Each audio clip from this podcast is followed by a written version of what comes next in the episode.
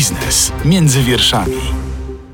Agnieszka Zaręba, dzień dobry. Dzisiaj w podcaście Biznes między wierszami porozmawiamy o tym, co Jacek Kurski będzie robił w Banku Światowym, o wadze reprezentowania gospodarczego interesu Polski na arenie międzynarodowej oraz najświeższych danych inflacyjnych. A moim i Państwa gościem jest profesor Witold Orłowski. Dzień dobry. Dzień dobry, witam. Co Jacek Kurski będzie robił w Banku Światowym? Będzie reprezentować Polskę, to znaczy...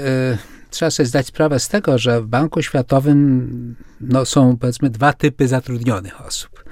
Pierwsza, pierwszy typ i to jest no, 99% zatrudnionych. E, to są ludzie zatrudnieni, co profesjonaliści, którzy są zatrudnieni no albo ekonomiści, albo finansiści, albo specjaliści z różnych dziedzin, bo zresztą ten Bank Światowy się zajmuje bardzo różnymi rzeczami w sensie projekty dotyczą i służby zdrowia, i, i edukacji i tak dalej, więc to nie, nie tylko ekonomiści i finansiści są, jak można było sądzić. E, w każdym bądź razie większość, ta przygniatająca, no są profesjonalni pracownicy zatrudniani na podstawie oczywiście konkursów odpowiednich e, i tak dalej. Natomiast oprócz tego jest cały szereg pozycji, które pochodzą tak naprawdę z nominacji krajów, które są udziałowcami Banku Światowego. Teraz krótkie wyjaśnienie, co to znaczy. Otóż Bank Światowy to jest organizacja, która powstała wraz z Międzynarodowym Funduszem Walutowym e, w ramach tworzenia tego powojennego nowego ładu, mm, który wszyscy znamy pod nazwą ONZ. Tak? Więc Bank Światowy i Fundusz Walutowy są takie siostrzane organizacje ONZ. ONZ miał się zajmować różnymi rzeczami, wiadomo, czasem lepiej, czasem gorzej. Natomiast te dwie instytucje miały zapewnić y, no, bezpieczeństwo, równowagę we wzroście gospodarczym, współpracę między, między krajami. I to oznacza, że Bank Światowy jest zorganizowany tak, że e, wszystkie kraje są jego akcjonariuszami. To znaczy, w momencie, jak jesteśmy przyjmowani, no myśmy dla przypomnienia zgłosili swój akces do Banku Światowego w 1945 roku, ale niestety Stalin zakazał Polsce i Czechosłowacji jako drugiej wy, wycofać się z tego i potem dopiero w 1985 roku ponownie zgłosiliśmy, przystąpiliśmy do Banku Światowego i wtedy się kraj proporcjonalnie do swojego PKB wpłaca udział w kapitale. No i czyli Bank Światowy jest niejako podobnie jak ONZ, jak Fundusz Walutowy, jest taką spółką akcyjną wszystkich krajów świata. I oczywiście te wszystkie kraje mają swoich reprezentantów, to są tak zwani dyrektorzy bądź alternate director, czyli zastępcy dyrektorów, przy czym no, znowuż po to, żeby to wszystko się trzymało y, jakichś tam liczb ograniczonych, to y, grupy tych zastępców dyrektorów mają jednego dyrektora i zmienia się rotacyjnie przewodnictwo. W Polsce jest tak, że akurat my jesteśmy w grupie ze Szwajcarią i Polska ze Szwajcarią się wymienia na stanowisku dyrektora, a inne są wicedyrektorskie. Ale dla jasności, to nie są finansiści, to nie są bankowcy, to nie są ludzie dobierani, znaczy nie muszą być przynajmniej teoretycznie, sprawdzani w jakikolwiek sposób, to są ludzie nominowani przez, przez poszczególne kraje na te stanowiska. I takie właśnie stanowisko uzyskał Jacek Kurski. Ja mówię to dlatego też, że pamiętam, że kiedy któryś z wiceministrów, z polskich ministrów e, jemu synowi załatwiono tam posadę, to twierdził, że to Bank Światowy zatrudnił syna. To nieprawda, właśnie to stanowisko, plus oczywiście ileś, czyli to jest łącznie kilkaset osób, asystentów tych osób, które są wskazane przez kraje członkowskie, to są, to są e, osoby wskazywane przez kraj. To, to, to. Więc z tego punktu widzenia e, sam kraj decyduje, czy chce mieć osobę bardzo kompetentną w dziedzinie ekonomii na stanowisku dyrektora, zastępcy dyrektora, bądź członka tej, przedstawiciela swojego, bądź, bądź nie. W pewnym sensie ci dyrektorzy pełnią rolę no, troszkę podobną do roli członków rad nadzorczych, ale tych mniejszościowych. No bo nie da się znowu ukryć, że większościowymi akcjonariuszami Banku Światowego są największe kraje Zachodu, y, Stany Zjednoczone i tak dalej. Natomiast inne kraje, no to są ci akcjonariusze mniejszościowi w gruncie rzeczy. No i to oznacza, że tenże dyrektor to jest tylko decyzja kraju, czy kogo na to stanowisko wskazuje, ale jego rolą jest takie dbanie o interesy kraju. W końcu krajowi zależy na tym, aby uzyskiwać jak najlepsze e, projekty z Banku Światowego. No i tu ten dyrektor nie podejmuje sam decyzji oczywiście o tym, ani nie przygotowuje tych projektów w żaden sposób, natomiast może zadbać o powiedzmy właściwą atmosferę, która powoduje, że projekty polskie, te na których Polsce zależy, mają większe szanse realizacji. To tak w praktyce. Jaki jest zakres obowiązków na takim stanowisku? Czym dokładnie będzie zajmował się Jacek Kurski? No będzie przeglądał, nazwijmy to, zapoznawał się z materiałami dotyczącymi e, projektów, czyli pożyczek w gruncie rzeczy. Pożyczki Banku Światowego są specyficzne, bo to nie jest po prostu gotówka i wydawaj sobie, tylko to są projekty. Zresztą na tym polega e, siła Banku Światowego, że daje finansowanie, ale również sam pomaga opracować sposób wydania tych pieniędzy na konkretne cele, które powinny służyć rozwojowi gospodarczemu, społecznemu kraju. No i zadaniem, oczywiście w ramach tej całej grupy, w której my jesteśmy, no to jest kilka krajów, e, ta grupa się spotyka, powinna się zapoznawać z projektami, nie tylko polskimi, ale no, gdyby Szwajcaria, Szwajcaria nie, nie, nie bierze projektów, nie bierze pieniędzy z Banku Światowego z powodów oczywistych, że jest sama sama mogła pożyczać raczej Bankowi Światowemu, a nie odwrotnie, e, ale mm, omawiają dyrektorzy. No potem gdzieś tam jest oczywiście e, głosowanie również wspierające projekt, bądź nie, czyli no, z tym, że e, to nie dyrektor polski wykonawczy, czyli zastępca podejmuje tę decyzję, tylko, tylko jest to decyzja kolegialna. Natomiast oczywiście od tego, na ile sprawny jest ten polski dyrektor, no to zależy, jakie są szanse tych projektów, na których nam zależy, aby zyskały akceptację i zostały wdrożone. Czy Pana zdaniem Jacek Kurski to odpowiednia osoba na to stanowisko? Wie Pani, ja bym powiedział tak, że e, pewnie nie przesadzajmy. To znaczy, e, Jacek Kurski oczywiście, wbrew temu, co mówił prezes Glapiński, kompetencji ekonomisty, finansisty nie ma. Szef Narodowego Banku Polskiego podkreślił, że wskazany przez niego do pracy w Banku Światowym Jacek Kurski spełnia z ogromną nadwyżką wszystkie wymagania wobec osób reprezentujących reprezentujących Polskę zna się na finansach i ekonomii lepiej niż niektórzy eksperci. No, ja w ogóle stwierdzam, że Profesor Glapiński zaczął ostatnio mówić, że w ogóle są tak zwani ekonomiści, którzy na przykład twierdzą, że inflacja będzie wysoka, podczas gdy świetni ekonomiści, tacy jak on, mówili rok temu, że będzie spadała tylko z miesiąca na miesiąc. No więc tutaj jest więcej takich rzeczy w tej chwili w wypowiedziach pana prezesa, które mogą bawić. No jeśli chodzi o kwalifikację, już powiedziałem, tutaj nie ma obowiązku tak naprawdę. To jest, to jest troszkę mylne rozumienie w Polsce, że tu musi być finansista, czy musi być człowiek znający się na to mm, nie ma wątpliwości, że jakkolwiek oceniać rolę pana Kurskiego w mediach publicznych, to nikt nie ma wątpliwości, że jest to człowiek bardzo inteligentny, rzeczywiście obeznany ze światem. Czyli ja wcale nie, nie wykluczam, że to jest, że on może się znakomicie w tej roli sprawdzić. Oczywiście, no powiedziałem, douczywszy się trochę, co, co też nie jest nie jest specjalnie trudne. Czyli sprawdzi się, jak się douczy? Tak, tylko są dwa ale. Znaczy, które, dwa zastrzeżenia, które ja mam. Pierwsze zastrzeżenie jest takie, że trochę głupio wysyłać, no to tak jak mieliśmy wysyłanych też posłów do Europarlamentu i partie mówiły, że świetnie, tylko się muszą nauczyć angielskiego, ale jak się nauczą, to już będzie, to już będzie super. No więc no, pewnie by się wolało i do tej pory zresztą praktyka w Polsce była taka, że wysyłano osoby, które nie musiały się dopiero uczyć tego, w jaki sposób to jest. Natomiast nie mam wątpliwości, że pan e, prezes Kurski jest w stanie się nauczyć. To, to, to, to też, jak powiedziałem, tutaj są e, stosunkowo ograniczone wymogi. Powiedziałem, formalnych wymogów nie ma, jest tylko jedna uwaga.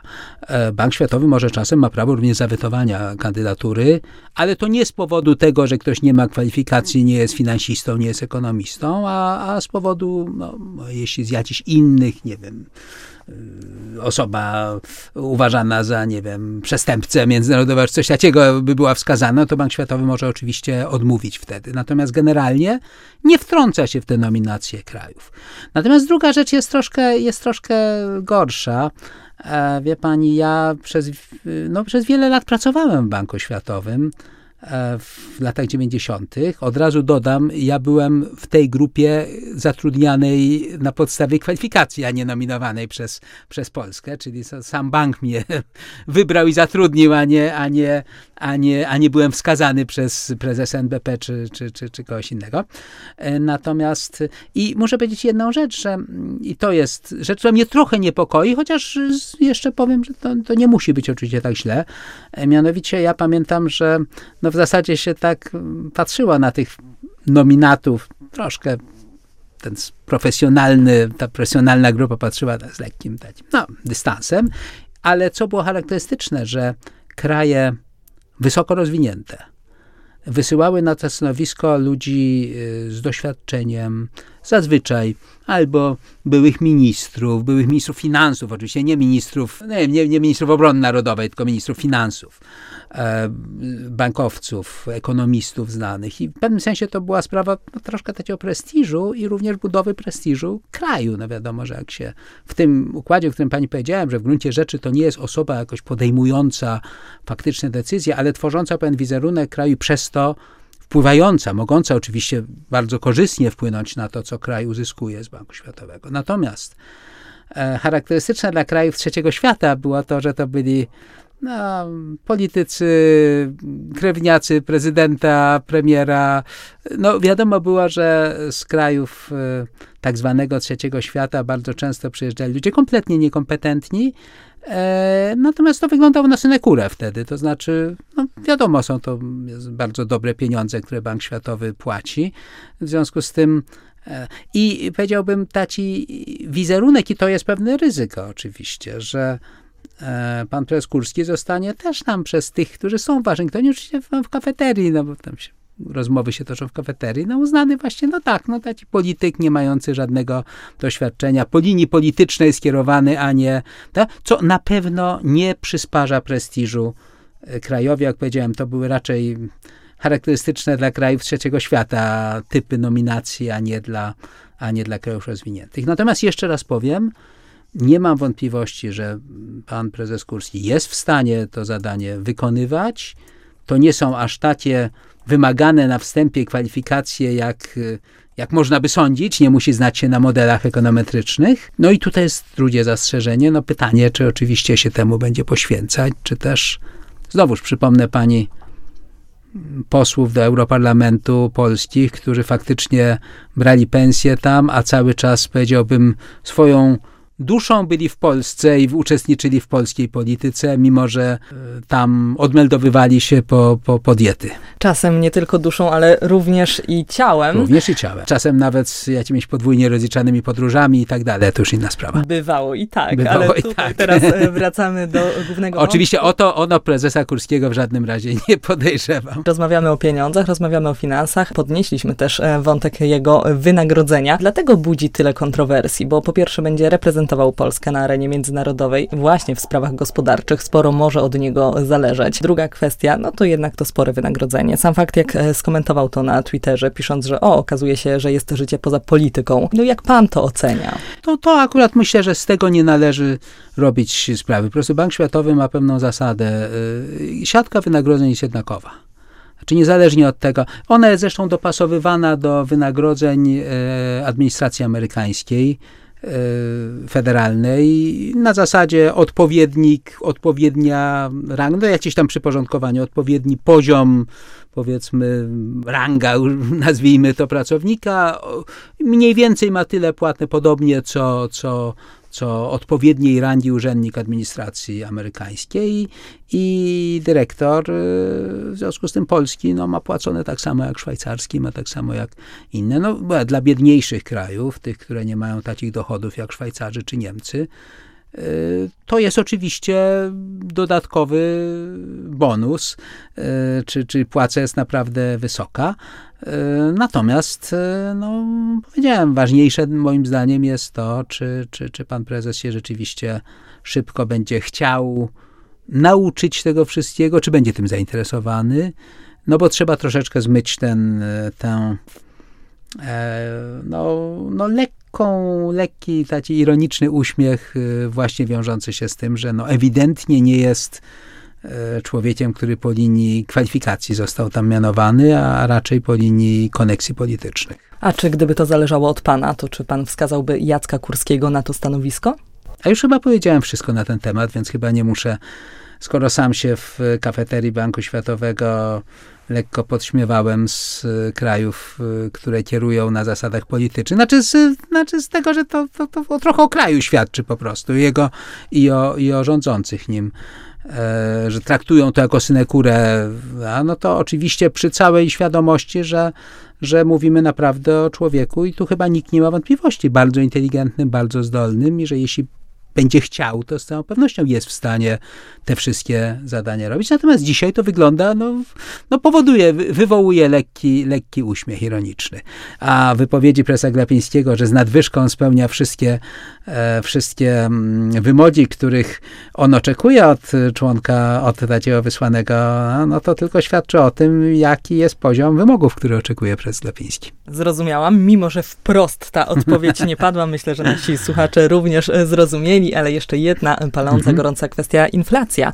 E, Główny Urząd Statystyczny przedstawił oficjalne dane inflacyjne za listopad. Według wstępnych szacunków inflacja rosła w tempie 17,5% w skali roku. 17,5%. Inflacja nam nieco przyhamowała i nawet już a chyba pan premier zdążył ogłosić, że to już chyba jest początek tego spowalniania inflacji. To oczywiście nie jest żaden. Ona, ona troszeczkę spadła, dlatego że na świecie spadły ceny ropy naftowej. Ten proces się chyba już, za, już chyba się zakończył, to znaczy chyba już zaczęły na nowo rosnąć, więc to jest czasowe. Notabene kraje, które mają mocniejszą walutę, znacznie większy spadek inflacji z tego powodu odnotowały. E, Wielka Brytania, ale Czechy nawet sąsiednie koło nas, y, tam chyba 1,5% spadła inflacja. Właśnie skutkiem tych niższych cen ropy naftowej. No u nas tylko o, o pół procenta. Niestety przed nami są miesiące dalszych wzrostów cen, a nie, czy przyspieszania inflacji, a nie, a nie spadku. Więc niech nikt się tym nie cieszy. Oczywiście zawsze lepiej, że to jest 17,5 niż 18,5, ale myślę, że wszyscy wiemy, że sytuacja jest bardzo poważna i że jeszcze póki co nie widać naprawdę, gdzie miałaby się pojawić ta nadzieja na zdecydowanie niższy, niższy wzrost cen.